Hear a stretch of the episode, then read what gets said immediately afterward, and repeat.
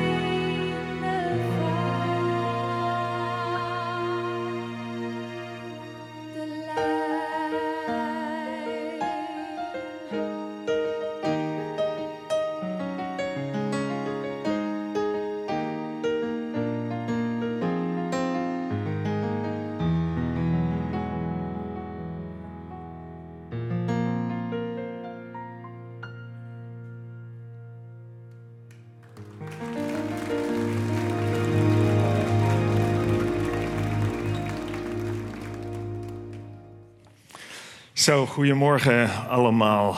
Het was aan het einde van de lijn. Als eh, intro, zeg maar, als opstap naar de vragen waar we vandaag bij stilstaan. Want we zijn inderdaad met eh, wat Wietse net zei, met die themaserie bezig. Stel me een vraag. En hij zei het al, we hebben drie diensten al besteed aan verschillende vragen die gesteld zijn, maar er waren nog vragen over. En eh, een aantal van die vragen pikken we eruit. Die hebben niks te maken met het dopen. Dat is een later gedeelte wat in de dienst is. En dat is altijd gewoon een onderdeel. Belangrijk en een mooi onderdeel in de dienst. Maar daardoorheen lopen altijd ook de themaseries. En wat Wietse net al zei. ehm, je kunt nog vragen stellen. Er komt een story eh, in Instagram waar je wat in kunt zetten. Via Facebook mag het er ook, info.basis.cc of schrijf het op een bierviltje of iets en gooi het in die zeil en dan vinden we het wel. En daar gaan we dus niet volgende week, maar de week daarvoor in ieder geval een vijfde en waarschijnlijk laatste deel, afhankelijk van de hoeveelheid vragen, aan besteden. Ja, we staan eh, vandaag stil bij een aantal vragen die in meer of mindere mate ook aan de orde kwamen in dit lied aan het einde van de lijn. En de eerste vraag gaat daadwerkelijk over het moment dat je aan het einde van de lijn, van je levenslijn bent aangekomen. En de vraag, en die heb ik de afgelopen periode al regelmatig voorbij horen komen, is een vraag over orgaandonaties. Ja, dat is actueel. De vraag was, wat zegt de Bijbel over orgaandonaties? Ja, die vragen rondom orgaandonaties nemen de laatste tijd behoorlijk toe vanwege de nieuwe wet actieve donorregistratie die in 2020 officieel in werking treedt.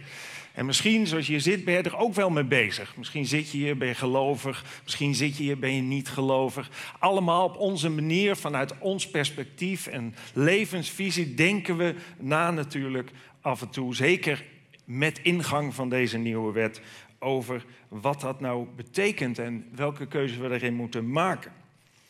Ja, vroeger hadden we het zogenaamde donorcodiciel. Wie, wie kent dat nog, dat rode papiertje? Oh, wat een aantal. Die zijn allemaal boven de 30, in ieder geval nog een stukje verder hier en daar. Ja. Ja, het is al even geleden, dat rode papiertje. Dat moest je dan altijd op zak hebben als je donor, donor wilde zijn. En als je dat niet bij je had, ja, dan uh, ging dat over. Vanaf 1 februari 98 hebben we de wet op orgaandonatie gekregen, waarin de keuzes worden vastgelegd in het donorregister. dan hoef je niet meer zo'n papiertje op zak te hebben, maar dan kan dat register worden geraadpleegd en kunnen ze zien of je donor bent. Maar vanaf volgend jaar zomer, en het kan haast niet zijn dat dat aan je voorbij is gegaan, um, wordt de nieuwe wet van kracht. Waarbij iedere meerderjarige burger automatisch donor wordt als je daartegen geen bezwaar maakt. Je krijgt dan nog wat brieven opgestuurd als je 18 wordt. En als je daar niet op reageert, ben je automatisch donor. En ja, dat, dat zet je een beetje aan het denken. Is dat iets wat ik wel wil? Of ja, wil ik me uit laten schrijven als donor? Of wil ik een andere keuze maken? Ja, de vraag is, wat zet de Bijbel over orgaandonaties? Nou, rechtstreeks helemaal niets natuurlijk. Dat is logisch, want orgaandonaties werd voor het eerst pas, een orgaandonatie werd voor het eerst pas succesvol toegepast in 1954. En toen nog bij een een-eigen tweeling, waar een nier uh, werd uh, gedoneerd. En uh, waar ook nog niet het afstotingsprobleem was en dergelijke. Pas veel later kwam het echt op gang. Vaak staan er wel principes in de Bijbel die direct of indirect kunnen worden toegepast op ontwikkelingen die nieuw zijn. die, wel, die natuurlijk in de Bijbel helemaal niet voorkomen, die helemaal van deze tijd zijn, maar principes die in de Bijbel voorkomen die er wel iets over kunnen zeggen misschien.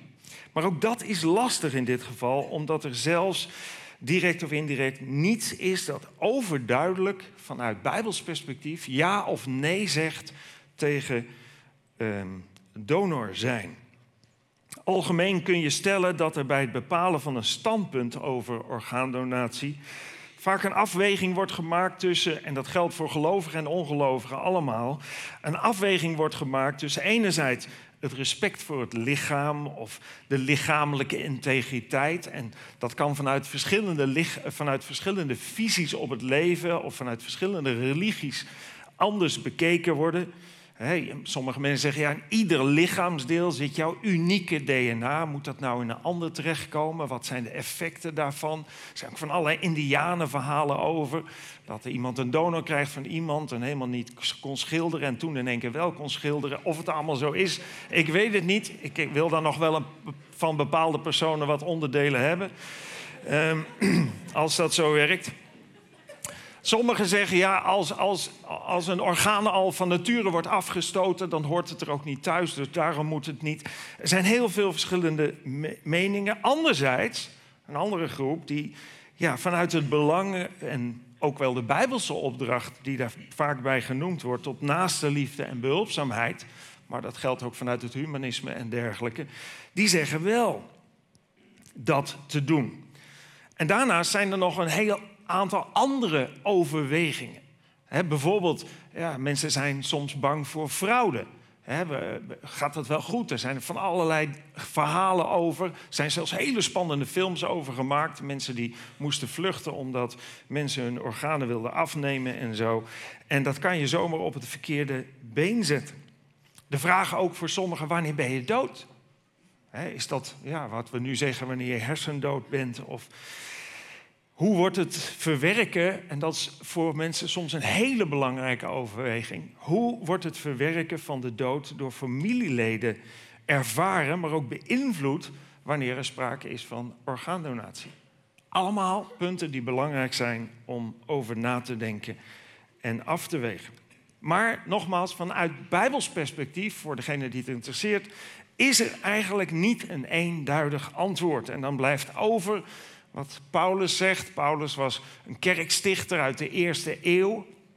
En hij schreef op een gegeven moment: laat ieder in zijn eigen geest ten volle overtuigd zijn. Oftewel, doe waar je rust over hebt. Waarvan je overtuigd bent dat het goed is. Dat geldt niet. Er is geen algemene stelling van alles wat er in de Bijbel staat. Dan zou je kunnen zeggen: Nou, ik steel dat en ik heb er rust over, dus het is goed. Nee, het gaat over dingen waar geen uitgesproken mening over is. Vanuit Bijbels perspectief of vanuit wetgeving. Laat ieder in zijn eigen geest ten volle overtuigd zijn. Meer is er niet te zeggen vanuit eh, Bijbels standpunt. Een andere serie vragen die binnenkwam gaat meer over hoe kun je voorkomen dat je snel aan het einde van de lijn komt. Een kaartje wat ik kreeg is helemaal volgeschreven met vragen over het tal van thema's. En te veel om eh, in tien weken zelfs te behandelen. Maar ik heb er eh, eentje uitgepakt die in het midden staat. Wat mag je eten of wat is goed om te eten? Moet ik eh, spijswetten aanhouden, stond erop. Of biologische voedingsmiddelen eten. Op één nummers letten en zo nog een heleboel losse opmerkingen rondom die vraag. Ja, ik denk dat wat de Bijbel schrijft over voedsel, daar komen echt wel een aantal dingen in de Bijbel voor. In deze tijd waarin we nu leven, niet in eerste instantie gaat over wat wel of niet mag, maar wat wel of niet verstandig is. Dat geldt overigens voor bijna alle levensregels die in de Bijbel staan, die God gegeven heeft. Die niet zozeer, en dat is een beetje de gedachte die mensen soms hebben over het kerk zijn, en misschien jij ook wel. Als je in een kerk komt of gelovig bent of christen bent, dan word je vooral geconfronteerd met een heleboel dingen die je graag wil, maar niet meer mogen. En dingen die je niet wil en die je moet. Nou, dat is niet het geval. Eigenlijk alle dingen die in de Bijbel naar voren komen, die God gegeven heeft, zijn leefregels met het doel om gelukkig te worden. Niet altijd makkelijk, zeker. Niet altijd leuk, zeker. Maar ons doel is het niet om altijd makkelijk en leuk te hebben. Maar het doel van de mens is om gelukkig te worden. En alle leefregels die God geeft, zijn eigenlijk daarop gericht. En zo ook zonder voeding, eh, zo- rondom voeding. Misschien ben je helemaal niet thuis in de Bijbel en zegt de term spijswetten je niets. Nou, je zou kunnen zeggen dat zijn oude voorschriften van God over wat wel en niet gegeten mag worden. Helemaal in het begin van de Bijbel, het volk Israël, ehm, daar gaf God deze wetten aan, deze uitgangspunten rondom voedsel. Nou, dat blijken niet zomaar random uitspraken te zijn geweest. Zo van God zegt, ik ben de baas, dus ik bepaal wat je wel en niet mag eten omdat ik de baas ben. Nee, het had een functie. Het is gebleken dat het gegeven is met het oog op de gezondheid van de mens. Nou, vroeger begreep men dat natuurlijk niet zozeer. Maar tegenwoordig is van vrijwel ieder bijbelse wet rondom voeding bekend waarom deze belangrijk is. Dat is allemaal het gevolg eigenlijk van wetenschappelijke ontwikkelingen. Nou, helemaal aan het begin van de Bijbel wordt het dieet van de mens omschreven, zoals het in eerste instantie gold. Daar staat, en God zei, ik geef u al het zaaddragende gewas dat op heel de aarde is. En alle bomen waaraan zaaddragende boomvruchten zijn, dat zal u tot voedsel dienen. Nou, dit was eigenlijk het eerste voedsel dat God aan de mens toevertrouwde. Granen, bonen, pulvruchten, dus ook pinda's is ook een pulvrucht. Noten, de amandel wordt wel de koning der noten genoemd omdat er zoveel goede stoffen in zitten. Zaden, aardappelen, groenten, vruchten, kruiden en specerijen. Je zou kunnen zeggen een veganistisch dieet waar het allemaal mee startte. In een later stadium, en de reden waarom, het is nu wat uitgebreid om erop in te gaan, maar in een later stadium zijn daar nog soorten vlees, gevogelte en vis aan toegevoegd, met daarbij de nodige waarschuwingen. En dan staat er dit. Dit zijn de dieren die u mag eten. Het rund, het schaap, de geit, het hert, de gazelle, de reebok, de steenbok, de spiesbok, de antilope en de gems. Alle dieren, dat, dan komt eigenlijk het uitgangspunt, alle dieren die gespleten hoeven hebben, waarvan de hoef in tweeën gespleten is, en die bovendien bij de dieren horen die herkauwen, die mag u eten. Maar de volgende, die alleen herkauwen of die alleen gespleten hoeven hebben, mag u niet eten. De kameel, de haas en de klipdas. Zij herkauwen immers wel, maar hebben geen gespleten hoeven. Zij zijn voor u onrein. Zo ook het varken, want dat heeft wel gespleten hoeven, maar het herkauwt niet. Het is voor u onrein. Van hun vlees mag u niet eten en hun kadavers mag u niet aanraken.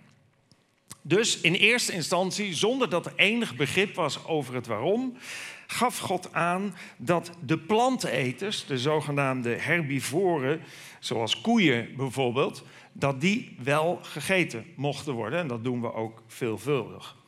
De verboden dieren zijn planten- en vleeseters, de zogenaamde omnivoren, en de vleeseters, de carnivoren. Deze dieren hebben allemaal wel een functie, of veel ervan hebben een aanwijsbare functie in de hele natuur, maar zijn eigenlijk niet geschikt voor consumptie, zouden niet in onze voedselketen thuis horen. En varkens is er daar één van en die eten we wel behoorlijk veel. Ik weet niet of jullie voor vanavond nog iets van varken op het diner hebben staan. Uh, ik weet niet of dat na dit verhaal ook nog um, uh, erop staat, maar ik doe het voorzichtig. Varkens die kunnen bijvoorbeeld drager zijn van 200 ziekten, 18 verschillende parasieten en wormen. Ja, je ziet ze niet hoor, dus dat je eet ze gewoon mee. Ook al is het uh, vlees van varkens natuurlijk tegenwoordig veel schoner dan toen ze gewoon in de natuur liepen. Het is niet vrij van deze ziekmakers. En met name, lastig woord, cumulatieve parasitaire besmetting, oftewel besmetting met parasieten die optelt, wat steeds meer wordt, cumulatief, dat is een probleem. De biologe Esther Noordermeer schrijft.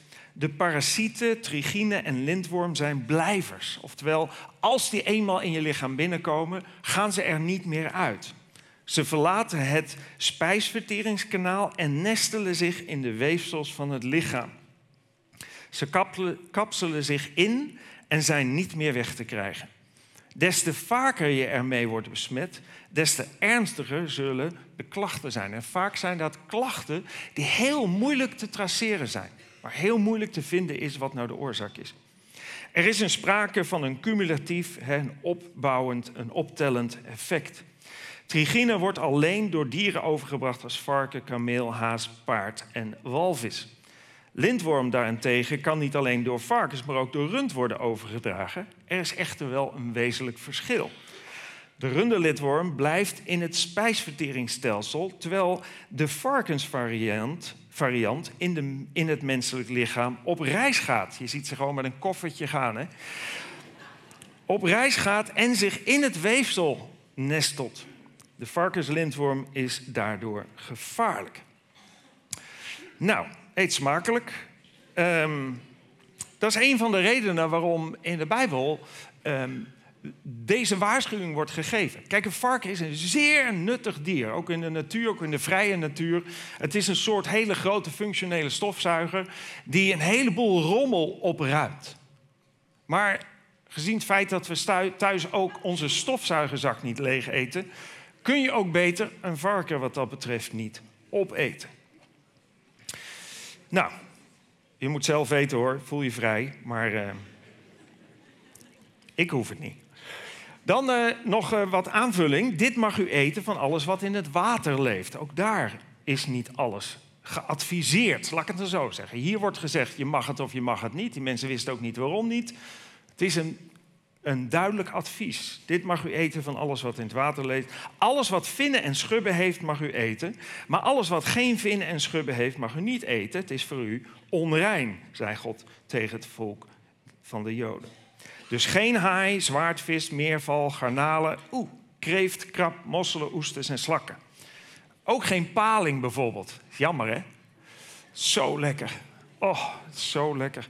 Maar het is een soort zwemmend vuilnisvat. Het is een eh, kadaverdier. Je gooit een dode koe in de sloot en allemaal palingen en die kruipen het oog in, het oor weer uit. En net zolang tot de koe op is, zeg maar. Ja. En dat eh, eten wij dan eh, vervolgens lekker op. Oesters en mosselen horen er ook bij. Dat, zijn- dat is hartstikke functioneel, want die zuiveren het water. Dat zijn waterzuiveraars. Ze filteren het water en dat is ook weer voedsel voor de oester. Maar er zit natuurlijk heel veel afval in, dat is logisch. En wij slurpen ze rauw naar binnen, inclusief hun volledige spijsverteringskanaal. Het is alsof je het filter van een zwembad leeg eet.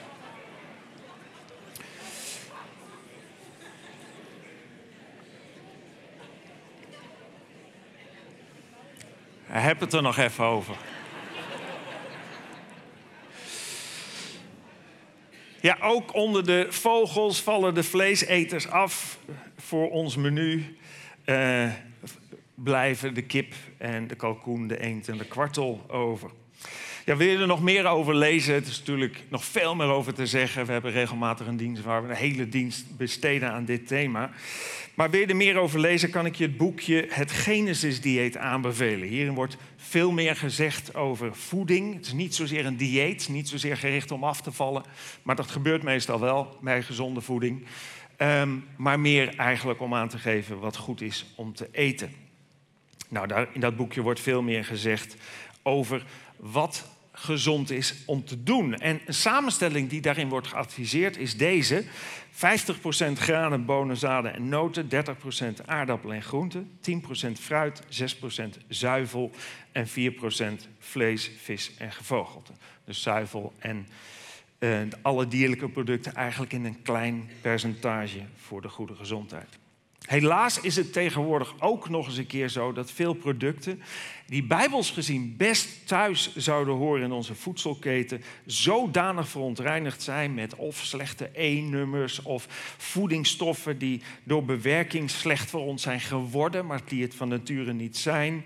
Denk aan glucose, fructose stroop, wat vrijwel overal in zit. Vlees dat vol hormonen zit of vol penicilline zit, en zo kan ik nog wel even doorgaan.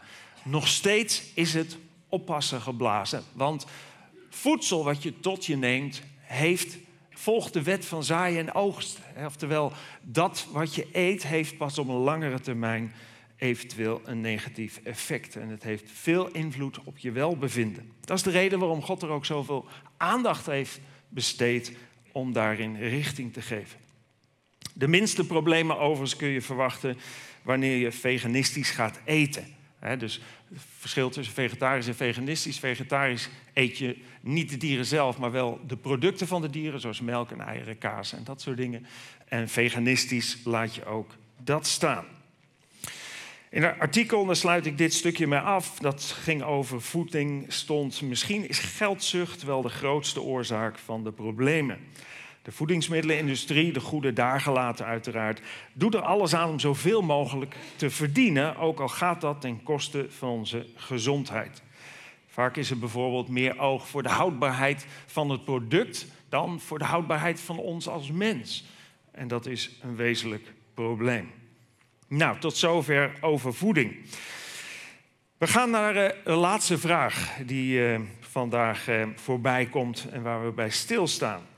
En dat is de vraag: hoe ga je goed om met financiële rijkdom? Dan zou je kunnen zeggen, nou, dat is niet een vraag waar ik wat mee heb. Daar stond overigens nog bij, met daarbij vragen over geven en sparen en pensioen en al dat soort zaken. Te veel om nu allemaal wat over te zeggen, maar ik ga wel wat over financiële rijkdom zeggen. Op schaal van de hele wereld zijn we hier, denk ik, allemaal rijk, zoals we hier zitten. Wij kunnen ons vaak, niet altijd, maar buiten eh, de basale levensbehoeften nog extra's permitteren. Nou, dan behoor je op de wereld tot de rijken. Ehm, sommigen zijn veel rijker en anderen wat minder rijk. Maar hoe ga je nou op een goede manier om met die financiële rijkdom? Nou, als het over geld en bezit gaat, moet je altijd, denk ik, in je achterhoofd houden wat we net hoorden zingen in het nummer aan het einde van de lijn. Alles blijft achter, heel je bezit, leeg zijn je handen aan het einde van de rit. Oftewel, je kunt niets meenemen. Deze combinatie zie je niet vaak rijden in een rouwstoet. Vrijwel nooit een lijkwagen met een boedelbak. Zo van, dit moet ik niet vergeten mee te nemen. Nee, zo werkt het niet. We laten alles achter aan het einde van de rit. En alleen nu in het leven, hier en nu, kun je bepalen hoe je met je rijkdom omgaat en wat is goed. Ten tweede, wat belangrijk is om je te realiseren, dat rijk willen worden of rijkdom laten toenemen en het focussen daar ook heel specifiek op, dat dat een nodige risico's met zich meebrengt voor je eigen welbevinden. De vraag in het nummer: zou je niet eindeloos rijk willen zijn voor een dag? Als koning ontwaken en baalde in wilde, baden in wilde. Alles was goud wat je zag voor een dag op de troon van een luchtkasteel. Nou, vanuit Bijbels perspectief wordt dat verlangen zeker niet gestimuleerd. Het tegenovergestelde. Er staat in het boek Prediker, geschreven door de wijze koning Salomo: wie op geld uit is, dus wie een focus heeft op geld en bezit, krijgt er nooit genoeg van. En wie op rijkdom uit is, wil altijd meer. Ook dat is zinloos. Hij schreef in dit boek over het leven. Wat is nou zinvol en wat is zinloos? Hier zei hij, dit is zinloos. Een andere tekst, waar Paulus een brief stuurt aan een zekere Timotheus, zijn leerling, die zegt: Wie rijk willen worden, komt in, wie rijk wil worden, komt in verleiding en raakt verstrikt in veel dwaze en schadelijke verlangens, die een mens in het verderf en ondergang storten. Dus ook, hij is niet bepaald positief over de focus om zoveel mogelijk te willen hebben. Geldzucht of hebzucht wordt in de Bijbel zelfs de oorzaak genoemd van alle ellende. Deze tekst in dezelfde brief aan Timotheus, daar staat: Geldzucht is een wortel van alle kwaad. Dus het zoveel mogelijk willen hebben van geld en bezit en, en alles maar vullen en vullen, is de wortel van alle kwaad. Dat is nogal wat. En ik, ik zei net al, van de voedingsmiddelenindustrie is geldzucht ook vaak de reden dat ze niet gefocust zijn op onze gezondheid, maar op hun eigen portemonnee. En zo is er heel veel meer kwaad. Ja, met name deze laatste tekst. Geldzucht is een wortel van alle kwaad, wordt vaak verkeerd geciteerd. Dan wordt gezegd: geld is de wortel van alle kwaad. Of rijkdom is de wortel van alle kwaad. Maar dat is niet wat er staat. Rijkdom is nooit een probleem, ook in de Bijbel niet. Er zijn ontzettend veel rijke mensen in de Bijbel die op een hele goede en verantwoorde manier daarmee omgingen en daaraan zijn gekomen. Het was niet hun focus, het was iets wat voortkwam vanuit hun noeste arbeid. Rijkdom is nooit een probleem. Het gaat erom hoe die rijkdom is ontstaan, wat geld hebben en verkrijgen voor je betekent, wat geld met je doet en welke verantwoordelijkheid je neemt als je rijk bent. Oftewel, wat doe je ermee? Welke verantwoordelijkheid voel je als je veel bezit hebt? Nou, in tegenstelling eh, tot wat je misschien verwacht, praatte Jezus meer over geld in de tijd dat hij op aarde was, dan over welk ander thema dan ook. Hij praatte meer over geld dan over de hemel, of dan, dan over de hel, of genade, of de doop, of redding, of, of heiliging, of wat voor een thema dan ook. Veruit het meeste. Elf van de 39 gelijkenissen gaan over geld. Gelijkenissen waren verhalen, verzonnen verhalen die Jezus vertelde om een bepaalde regel of een bepaalde uitgangspunten, principes, levensprincipes uit te leggen. Elf van de 39 van die gelijkenissen gingen over geld. In het boek Lucas gaat één op de zeven teksten over geld. Lucas die heel uitgebreid het leven van Jezus ook beschrijft. En steeds opnieuw komen waar weer teksten tegen over geld.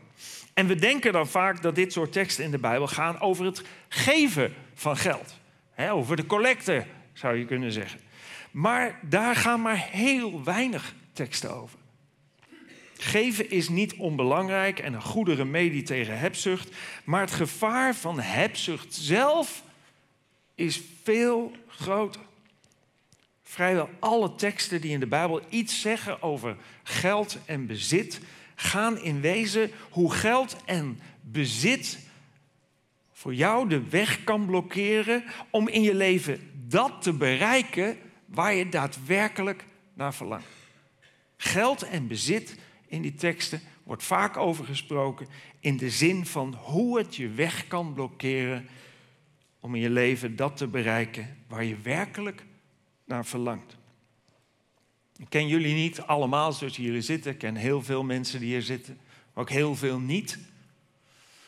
Uh, ik weet dus ook van een aantal mensen een aantal dingen, maar van de meeste mensen niks of heel weinig. Maar één ding weet ik zeker, want dat delen we allemaal. Dat is namelijk het verlangen om gelukkig te zijn. Iedere beslissing die we nemen door de hele dag, door de weken, maanden, jaren, zijn gericht op het verlangen om gelukkig te zijn. Dat wil ieder mens. Een geluk wat komt doordat je vrede ervaart in je leven. Een geluk wat komt omdat je hoop hebt op de tijd die voor je ligt. Geluk wat komt als je rust ervaart en onvoorwaardelijke liefde ervaart. En ik geloof, ik weet het zeker, dat je deze dingen, rust en vrede en hoop, hoop over de grens van de dood heen en onvoorwaardelijke liefde, nooit zult vinden buiten de relatie met God. Dat is mijn eigen ervaring, dat is de ervaring die ik van tientallen, honderden mensen al heb gehoord en wat je ook uit de Bijbel heel duidelijk kunt opmaken wil niet zeggen dat je niet een bepaalde mate van geluk kunt ervaren. Toen ik zelf tot geloof kwam, had ik een goed lopend bedrijf. Ik was gezond, getrouwd, drie gezonde kinderen. En toen kwam ik tot geloof. En het was helemaal niet zo dat ik zei, ik was heel ongelukkig. Maar ik zou voor geen goud in de wereld terug willen naar die tijd dat ik zonder God leefde. Zonder een relatie met God. En ik geloof dat daar onze diepste zoektocht ook naartoe is. Volgens de Bijbel kan geld en bezit ons enorm in de weg zitten om God te leren kennen. Vandaar dat Jezus daar zoveel over zei. In een gesprek dat Jezus heeft met zijn leerlingen zegt hij het volgende. Hij zegt, niemand kan twee heren dienen. Of hij heeft een hekel aan de een en is op de ander zeer gesteld. Of hij draagt de een op handen en minacht de ander. Nou, voor welke twee heren heeft Jezus het dan? Nou, dat zegt hij ook meteen. U kunt God en het geld niet tegelijk dienen. Je kunt God en het geld niet tegelijk dienen. Je kunt het wel tegelijk hebben, een relatie met God en geld hebben, maar dienen, er, eraan toegewijd zijn, dat lukt niet. Jezus zegt als het ware: laat me je helpen om te herkennen met welk spanningsveld heel veel mensen bewust of onbewust worstelen, vaak onbewust. Een spanningsveld dat je als niet-gelovige af kan houden van een relatie met God. Een spanningsveld dat je als gelovige van echte toewijding kan afhouden. Zo omvangrijk is de invloed van geld. Ieder mens neigt namelijk van nature zijn vertrouwen te stellen op niet alleen geld, goederen, op rijkdom, op pensioen, op bezit, op verzekeringen en al dat soort dingen. Zaken waarvan we kunnen weten, en iedereen die al ik weet niet hoe lang in zijn leven pensioengeld betaalt, weet ook dat zekerheden daarover maar zeer matig zijn. Het zijn allemaal zaken waarvan we kunnen weten dat het ons maar weinig echte zekerheid biedt. Maar wel zaken die, ook al zijn ze vaak maar kort, ons een geluksmoment kunnen geven. Of een gevoel van zekerheid kunnen laten ervaren. Paulus zegt tegen Timotheus in diezelfde brief: Zeg tegen de rijken dat ze niet trots mogen zijn en niet moeten vertrouwen op hun geld, dat slechts een twijfelachtige zekerheid geeft. Twijfelachtige zekerheid. Het is niet echt een zekerheid. Maar dat zij moeten vertrouwen op de levende God die ons van alles geeft om ervan te genieten. God heeft je iets beters te bieden om je vertrouwen op te stellen. Nogmaals, het is niet verkeerd om geld te hebben, een pensioen en verzekering en al dat soort dingen. Maar waarop stel je vertrouwen? Dan nodigt God je uit om Hem te leren kennen als je Hem nog niet kent. Of op Hem te vertrouwen daadwerkelijk als je Hem al wel kent, als je een relatie met Hem hebt. En niet je vertrouwen te stellen op dingen die geen echte zekerheid geven. God heeft je wat beters te bieden. Hij wil ons allemaal geven waar we ten diepste echt naar verlangen en wat met geen geld te koop is. Dat is, die, dat, is dat geluk, die vrede, die hoop, die rust en die liefde, die geborgenheid. God wil ons echte zekerheid bieden, maar je kunt geen twee heren dienen.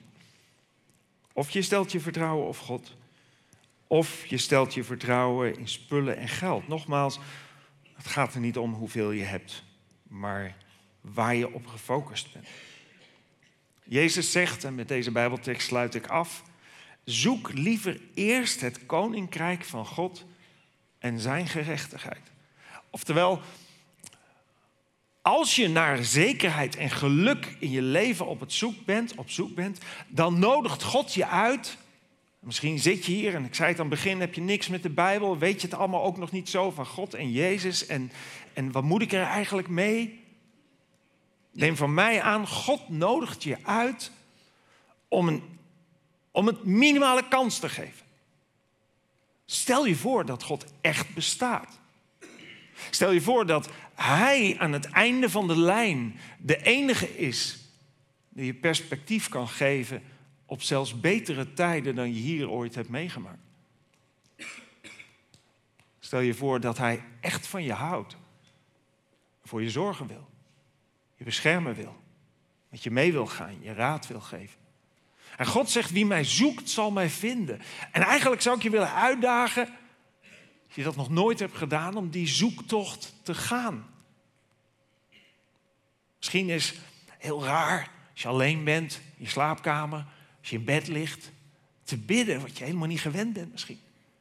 En God, als u echt bestaat, ik weet het allemaal niet zo, maar als u echt bestaat en mij dat wil geven wat, wat beloofd wordt, wilt u zich dan aan mij bekendmaken? Als je dat bidt, gaat God dat doen. Leuk dat je keek naar de basisdienst van deze week.